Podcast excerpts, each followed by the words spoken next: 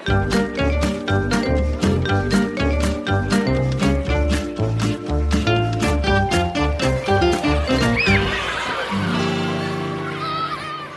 skal lærere bruke ny forskning, eller skal de ikke bruke ny forskning?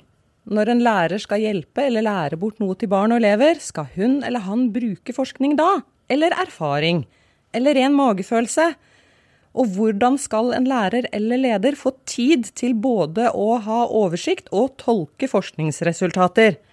Velkommen til Lærerrommet, podkasten fra Utdanningsforbundet. I denne episoden skal det handle om alle de hundrevis av valg en lærer gjør i løpet av en arbeidsdag, når best metode for læring og relasjoner skal velges. Er disse valgene forskningsbaserte nok? Ja, vil noen hevde. Nei, påstår andre. Navnet mitt er Marianne Olsen Brøndtveit. Og jeg heter Vigdis Salver. Og vi skal gjøre så godt vi kan for å holde denne praten så jordnær som mulig. Og for å få til det, så har vi med både en forsker og en rektor her i lærerrommet. Vi sier velkommen til deg, Øystein Gilje. Du er førsteamanuensis ved Institutt for lærerutdanning og skoleforskning ved Universitetet i Oslo. Hei, hei. Og så har vi deg, Bjørn Bolstad. Du er rektor ved Ringstadbekk skole i Bærum. Og du er også en aktiv bloggstemme i skoledebatten. Hallo. Først til deg, Bolstad. På hjemmesiden til skolen din så står mottoet 'Vi skal møte framtiden med dristighet og glede'. I hvilken grad er forskning en del av det målet? Ja, jeg håper jo at forskning absolutt er framtidsretta. Hvis ikke så er den jo på en måte litt verdiløs. Forskning skal jo åpne for ny erkjennelse eller endre vår oppfatning av virkeligheten, og det er akkurat det vi kanskje også prøver å få til når vi prøver som skole å være framtidsretta, så er det jo å se noe om det vi ennå ikke vet, det vi ennå ikke har møtt. Hva er, det, hva er, det, som møter oss? Og der kan jo forskning være en hjelp i så måte. Eh, så jeg tenker at sammenhengen mellom, mellom fremtid og forskning må jo være åpenbar. Hva er det egentlig å være forskningsbasert, sånn som du ser det? Nei, Det, helt, det har jeg ikke egentlig veldig sånn klart svar på. Og der tror jeg folk har ulike svar på det spørsmålet. For noen tror jeg det er at man har en praksis som kan relateres veldig direkte til noen forskningsfunn eller noen forskningstradisjoner. Altså en evidensbasert tenkning, litt sånn som man gjør innenfor medisin. Mens, mens i mitt hode, sånn som jeg tenker det, så er det kanskje mer å prøve å ta inn ulike sider ved forskning. At forskning ikke kanskje er eksakte svar eller metoder, men det er på en måte erkjennelser eller måter å se ting på. Det er vel han Irgens i Trondheim som bruker det begrepet om, om, om, linser eller ulike vinklinger. Og det er for meg mer å være forskningsbasert og se at det finnes mange ulike svar eller løsninger eller tilnærminger. Og så skal vi dra dette inn eh, til en gjeng med unger, som f.eks. i en klasse der det er mye uro. Slik at det blir lite plass til læring, eller det er mye mobbing der. Er ikke, barna er ikke snille med hverandre. Eller de faglige resultatene de er ikke så gode som en rektor gjerne skulle hatt de. Er det da mulig å løse de utfordringene ved å bruke forskningsbaserte programmer? Det vet jeg ikke. Jeg er litt, eh, litt eh, jeg er ikke skeptisk, men jeg er litt sånn tilbakeholden med sånne ferdigsnekra programmer som sier at bruk vår metode, så skal det gå deg godt og du får leve lenge i landet, som det står i, i tilbud. Um, men, men, at man kan bruke forskning, at man kan bruke erkjennelse fra forskning, tror jeg er helt essensielt. Og det kan kanskje gjøre lærere klokere, fordi eh, i bunn og grunn så må jo lærere gjøre disse eh, tusen valgene som de gjør hver dag. Men man må ha en eller annen form for eh, bevissthet eller kunnskap, eller ta de riktige, viktigste hensynene osv. Men, men og, sånne fiks ferdigkjøpte opplegg, det eh, Jeg har ikke noe erfaring med at vi bruker det, men at man heller uh, trekker inn perspektivene fra forskning i kollegiet på skolen, mellom lærere og sånn, det tenker jeg er det vesentlige. Du snakker om mer en blanding av erfaring og programmer? Ja, dette med programmer altså Forskning er jo mer enn programmer, da. Eh, altså, det er jo kanskje det viktige for meg. At hvis forskere bare skal komme med ferdige programmer som liksom man kan kjøpe, så har de jo, unnskyld uttrykket, prostituert seg. Eh, mens, mens, forskere gir oss, jo en, gir oss jo en erkjennelse, en måte å se ting på som vi kanskje ikke hadde tenkt på sjøl, og som vi kanskje kan, også læreren kan tenke da, da, kan vi på vårt team eller i vårt lærerkollegium vi kan gjøre slik og sånn, eller vi kan legge mer vekt på dette, eller disse perspektivene. Uavhengig om det liksom er et sånt ferdig program som er sånn punkt én til sju, følg disse punktene. Øystein Gilje, i dag så leder du et senter som nettopp jobber for å bedre da, kontakten mellom utdanningssektoren og forskningsmiljøet, såkalte FIX-senteret ved Universitetet i Oslo. For å gripe fatt i det Bolstad snakker om her, om å være forskningsbasert og disse linsene han eh, trekker fram. Eh, hva tenker du om det? Ja, altså Den enheten som vi har skapt på Universitetet i Oslo, eh, som er altså om forskning og innovasjon og kompetanseutvikling i skolen, derav FIX, den skal jo samle den forskningen vi gjør på Universitetet i Oslo, og gjøre den praksisorientert, slik at den føles nyttig for læreren i klasserommet. Det er rett og slett den, eh, det bidraget vi har et ansvar for som forskere i samfunnet, i en ordning som nå er blitt skapt, og som, eh, hvor midlene går altså gjennom kommunene. Fordi at kommunene sier at dette vil vi jobbe med, dette trenger våre lærere, kan dere hjelpe oss? Og så kommer vi fra Universitetet i Oslo og sier vi, ja, vi kan hjelpe dere på dette temaet her, for der har vi ganske mye forskning, og dette temaet her, men kanskje ikke de to temaene der. Så hvordan skiller det du beskriver nå fra nettopp den pakkeløsningen som han eh, snakket om? Ja, øh, jeg er helt enig med Bjørn. Uh, disse pakkeløsningene er jeg også i utgangspunktet skeptisk til. Jeg sier ikke at de ikke er forskningsbasert, men jeg er litt redd for at slike pakker ikke nødvendigvis tar hensyn til det profesjonsfellesskapet som finnes på den enkelte skole, og de spenninger som ligger i det, samtidig som det også kan være noen veldig gode prosesser i det fellesskapet for å skape den kulturen som er et lærende fellesskap på hver enkelt skole, men også på tvers av skoler. Derfor så tenker jeg egentlig eh, to ting når det gjelder eh, forskning.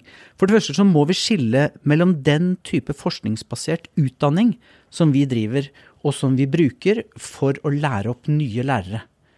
Når vi får inn folk i midten av 20-åra, så skal vi gjøre om deres linse på det å være i et klasserom.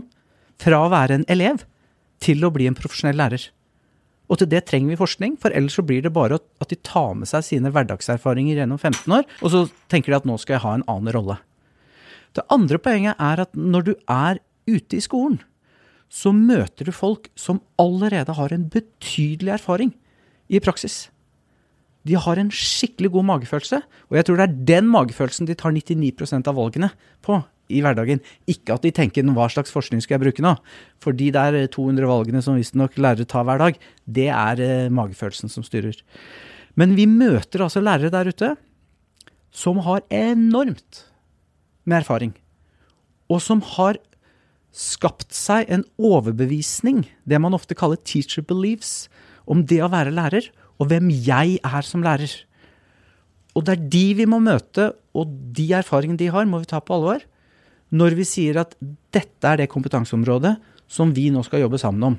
Hva kan bidraget ditt være inn der? Og så må vi se hvordan kan forskningsbidraget møte de erfaringene i en praksis som vi enten da observerer, eller har mer sånne workshops med lærere. Men vil du si at den erfaringen som du trekker fram her nå, en teacher's belief, da, som du kalte det, eh, er de til hinder for forskningens plass i skole og barnehage? Eller eh, altså, For det er mange som påstår at disse valgene som lærerne tar, er ikke nok forskningsbasert. Nei, men de valgene som læreren tar eh, som da er relatert til forskning, de mener jeg primært er større valg eh, som skjer i en refleksjon rundt det å skape god undervisning i et fellesskap på en skole, som en skolekultur, og som kanskje ender opp i dette mottoet, sånn som jeg tenker det er på Ringstadbekk, så tenker jeg at det finnes en åpenhet og en nysgjerrighet mot det de opplever som relevante forskningsbidrag inn i den kulturen, for at den kan videreutvikle seg. Så her vil du finne forskjellige typer holdninger til det, men i utgangspunktet så håper jeg jo at lærere med sin erfaring kan møte oss forskere og sammen skape eh, lærende fellesskap som på sikt kan være kompetansegivende. Bolstad, du har jo lærere på din skole som tar hundrevis av avgjørelser i løpet av en dag, i hvert fall i løpet av en uke. Og bringer seg selv inn i klasserommet, og de bruker av seg sjøl. Og tar selvstendige valg. Hvilken klang har da uttrykk som 'forskning viser at'? Altså På vår skole så, så uh, tror jeg folk prøver å skille mellom uttrykket 'all forskning viser at', for, eller 'forskning viser at', for det er to helt forskjellige utsagn, og jeg har hørt begge. Eh, og all forskning viser at det tror jeg nok at mange vil rynke fort på nesa og si at det, det, det er litt for enkelt. Men, men, forskning viser at, eller hvis man istedenfor formulerer som forskning tyder på, eller forskning indikerer, eller at forskning ja, noe sånt noe, så, så, er det klart eh, det er, en, eh, det er kanskje lettere for dem å oppfatte. Og på vår skole så har det også vært når vi, jeg husker for når, når Hatties-forskning kom, så drøfta vi den. Jeg la frem den ganske i personalet, og, og, mange gikk jo også der inn på metodiske problemstillinger. altså det at, eh, at Og det har det vært en del kritikk av sist, ikke sant? hvordan han henter ut noen ganske få eh, studier som er ganske gamle, og lager en eller annen form for uh, eh, samla oppsummering av dette. Og interessant nok så var det mange som gikk inn på metodikk, altså spørsmålet for å gå bak, hva, hva ligger bak forskningen, hvor valid er den, hvor, hvor, hvor vesentlig er den, osv. Det tror jeg det er. Men så et, et, et kommentar til et spørsmål som ble stilt her i stad, om at læreres, eller i og for seg rektorer og skolelederes oppfatning kan stå i veien for forskning. Jeg tror svaret er ubetinget ja. Eh, det gjelder meg også. Uh, at vi, at vi, og det vet vi av forskning, at folk er på en måte altså biased, eller man har en oppfatning. Man, man legger fort merke til den forskningen som forsterker det man selv tror på eller mener eller har drevet med i 20 år. Og, og jeg leder en skole som, som, er ganske Vi prøver å være ganske tydelige på hva, hvordan jobber vi, hvordan bygger vi opp uh, skolen, hvordan organiserer vi den, hva slags læringssyn ligger til grunn osv. Og, så og det er klart at for oss også, for meg så er det utfordrende å, å møte forskning som, som indikerer at uh, det fins andre måter å betrakte skole og læring på. Og det er klart det er en, det er en, en smertelig prosess på alle nivåer. Å våge å, og ta inn at det som har funka, eller det som funka med ungdomsgenerasjonen på 1990-tallet, kanskje er det noen som nå gjør at nå er ting endra, så nå må man tenke annerledes. Det er utfordrende for alle, både rektorer og lærere. Gilly, du smiler og nikker her. Ja, altså, jeg er jo i all hovedsak eh, helt enig med Bjørn. Og, og, det er noe med avstanden til den forskningen og måten den er samlet inn på, som noen ganger kan være problematisk. For nå trukket han opp eh, Hattie sine analyser sant, i, i synlig læring. Og, og, det er jo rett og slett internasjonal forskning over hele linja, som, eh, som på mange måter er blitt brukt som bevis på at sånn må vi også gjøre det her. Det som vi skal prøve nå i denne nye modellen, som altså er desentralisert kompetanseutvikling, det er jo at vi sammen skal finne ut hvordan den lokale kulturen har prøvd ut forskjellige opplegg. Og så skal vi som forskere, som er da trent i systematisk å gå inn i observasjoner og eventuelt også intervjuer, vi skal prøve å finne ut hva er det med dette her som lærerne tror på, og hva er det egentlig, hvis vi setter en forskningslinse på det, som er læring her eller som er god praksis. Og Derfor så tror vi at eh, på sikt nå, med denne ordningen, så kan vi få opp en rekke forskning- og utviklingsarbeider lokalt som kanskje kan vinne mer gehør hos lærerne, fordi det er gjort på skoler som på mange måter har den samme teknologiske kulturen, og kanskje også den samme eh, fellesskapet knyttet til noen verdier som f.eks. en stor skoleeier har jobbet lenge med. Men du eh, Bolstad, litt tilbake til deg, for du snakka om at eh, at lærere og rektorer kanskje kan stenge forskningen ute. Er det, er det fordi at det er metodefriheten dere vil verne om? Jeg holdt på å si det er kanskje et trosspørsmål, men det er kanskje å dra det litt langt. uh, altså, den metodefriheten syns jeg er et, eh, et tvega sverd. Uh, for det spørs liksom metodefrihet på hvilket nivå. Og nå vet jeg at de befinner oss i Utdanningsforbundet, og man er opptatt av lærernes metodefrihet. og Hvis man der, velger, hvis man der mener lærernes individuelle metodefrihet, så er jo det samtidig å si at eh, et ekstremt ansvar på hver enkelt lærer. For da må hver enkelt lærer være Supermann. Og liksom ha hele Vite alt. Det er klart, og etter hvert nå, og også ny overordnet del, så opererer man jo etter hvert med profesjonsfellesskapene sant, i forhold til både kollegialt og, og på hele skoler, etter hvert kanskje kommuner og sånn. Og, den, og, og en sånn, og hvis en metodefrihet betyr at lærere skal kunne holde på med noe som, som påviselig ikke er det beste man gjør, og få lov å fortsette med det, så er det litt klønete. Du snakker om å snu bunken litt? Nei, ja, ja, jeg er avhengig av det, hvis, hvis, man kan peke på det. Men det er klart, men den, den her, hva skal jeg si, at man er litt sånn tilbakeholden med å ta inn forskning Jeg vet ikke om det er på en måte for å verne metodefrihet, men det er kanskje en sånn dypt sånn menneskelig eh, opplevelse at, eh, at, det er litt ubehagelig å, å måtte endre seg. Eh, og det er litt sånn alle er glad for, for, å tenke at jo, det vi har gjort nå den siste uka eller siste måneden, de siste ti årene, det, det, er, det, er, fint og det gir mening. Man vil mye heller ha den opplevelsen enn å, enn å oppleve at det er kanskje greit nok, men det har vært litt på sida, og det, det, er, det har kanskje vært litt klønete har drevet med. Det er ingen som, ingen som, ønsker å ha den opplevelsen her. Altså, det er jo en sånn dypt menneskelig greie. Så kanskje er det egentlig mer der det stikker, da. Bare kommenter det veldig kort. Altså, på den ene siden sånn, så kan det hende at det er lærere som er så overbevist om at det de gjør er helt fantastisk, og så også tviholder de på akkurat det. Og så kan man diskutere kanskje i kollegiet etter hvert, eller i medarbeidersamtaler om, om, hvor bra det faktisk er. Og det jeg føler at det er det Bjørn egentlig sier nå. Men hvis vi trekker inn det vi snakket om i stad, altså de ferdige pakkene. Da setter jeg absolutt et spørsmålstegn med i hvilken grad de hindrer lærernes metodefrihet. Fordi at der har du på en måte forskning, sier de, som ligger i bunn. Og så sier de og dermed har vi lagd denne metoden, og følger du denne metoden, så kommer du til dette målet. Da har du altså rett og slett veldig lite metodefrihet hos lærere.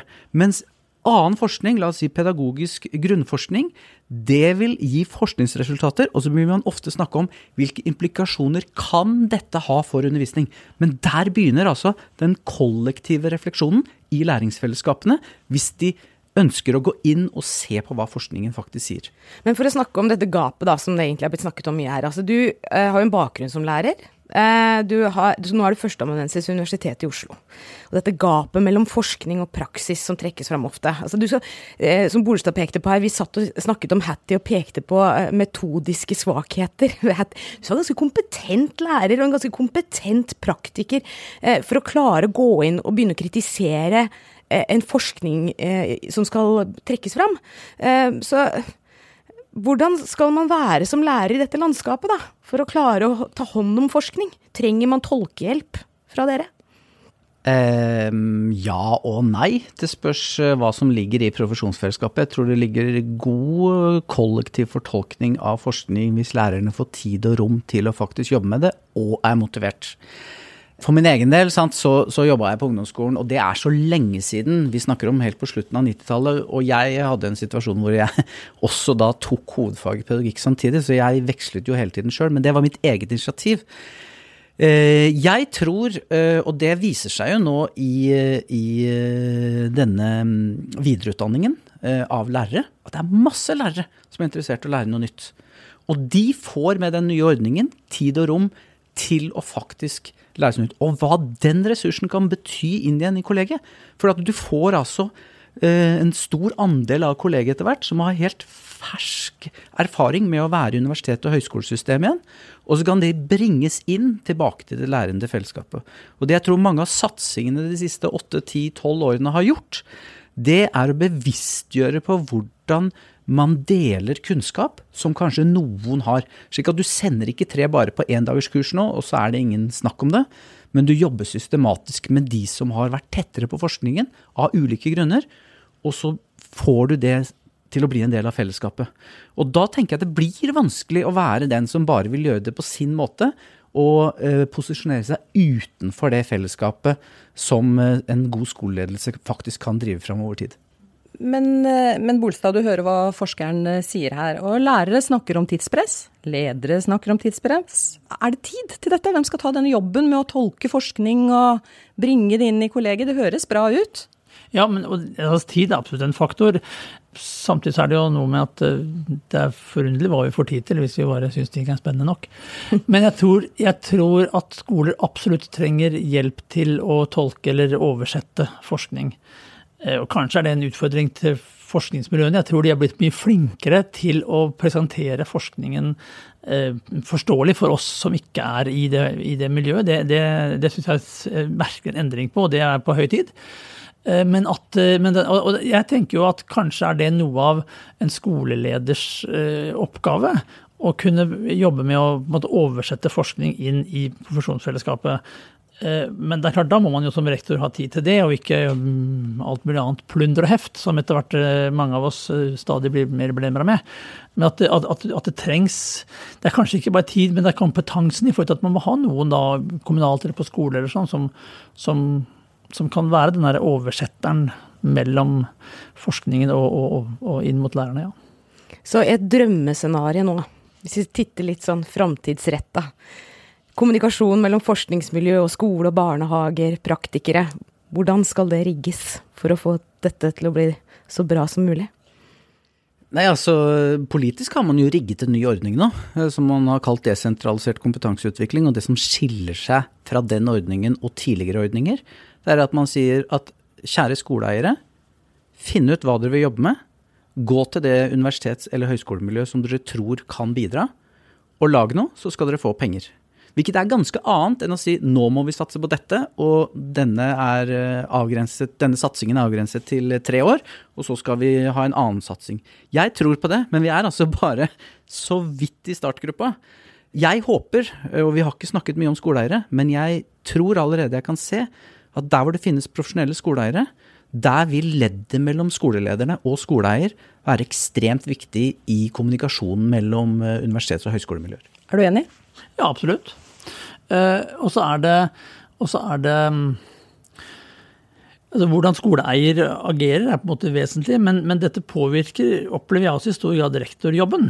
Og det er jo også noe med Eller skolelederjobben på skolen, i hvilken grad man, man eh, si, ender opp med å være en sånn eh, tilrettelegger som sørger for at arbeidsavtaler er på plass og at økonomien er i orden, mens det er andre som kommer inn som de på en måte faglige personene.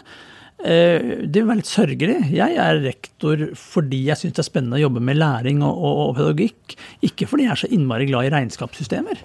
Men jeg må ikke ha det også. Og det kan kanskje skoleeiere være oppmerksom på, hvis man på bare kommer med et sånt, et sånt uh, rådgiverkorps rundt som på en måte overtar den rollen, så får man iallfall si det ganske tydelig. Så får man si at hvis du har lyst til å jobbe med sånt, så må du ikke finne på å bli rektor. Da får heller bli rådgiver i skoleeier, altså skoleeier, og så får rektorene holde på med arbeidsavtaler og, og annet plunder og heft. Uh, og det, er en balanse som jeg tenker Og kanskje også innenfor hver skole så er det noe med, som, som Øystein sier, også, disse, hvilke lærere er det som på en måte er motorer i et sånt kollegium? Hvem er det som får liksom, rollen og på en måte har arenaer og mulighet til å, til, å, til å, videreutvikle det? da, At ikke de bare også blir stående med uh, alle sånne praktikaliteter. Mm. Så vil jeg bare legge til at jeg tror jo litt på sånne samtaler som det her. Altså Vi har jo nå pga. alle mulige nye medier og nye måter å lytte og se på, enorme muligheter for å spre forskningen på nye måter. Og gjøre den tilgjengelig for egentlig alle som jobber i skolen. Men da blir skolelederne sitt oppgave liksom å gi det på riktig måte, som enten forberedelse til noe mer som skal skje, eller en slags eh, inngang. Du kan nesten snakke om flipped classroom for lærere. For du kan som skoleleder si at nå skal vi på neste samling snakke om dette. Og vi har en par videoer som dere skal se på før det kommer, for da har alle det samme kunnskapsgrunnlaget. Så sånne podkaster som det her kan nettopp bidra til at lærere kan oppdatere seg på spesifikke temaer gjennom f.eks. en halvtime mens de lager middag. Ja, da kan vi konkludere med at dette var vårt lille bidrag til uh, forskningssamtalen på de enkelte arbeidsplassene. Vi må si tusen, tusen takk til våre gjester Øystein Gilje og Bjørn Bolstad. Takk for at dere kunne komme til lærerrommet. Takk for at dere kom. Med. Ja. Og vi håper at du som lytter på, har hatt glede av denne samtalen. At du abonnerer på Lærerrommet, og at du vil dele Lærerrommet med en venn. Eller en kollega. Og så kommer vi snart tilbake. Ha det bra. Ha det godt.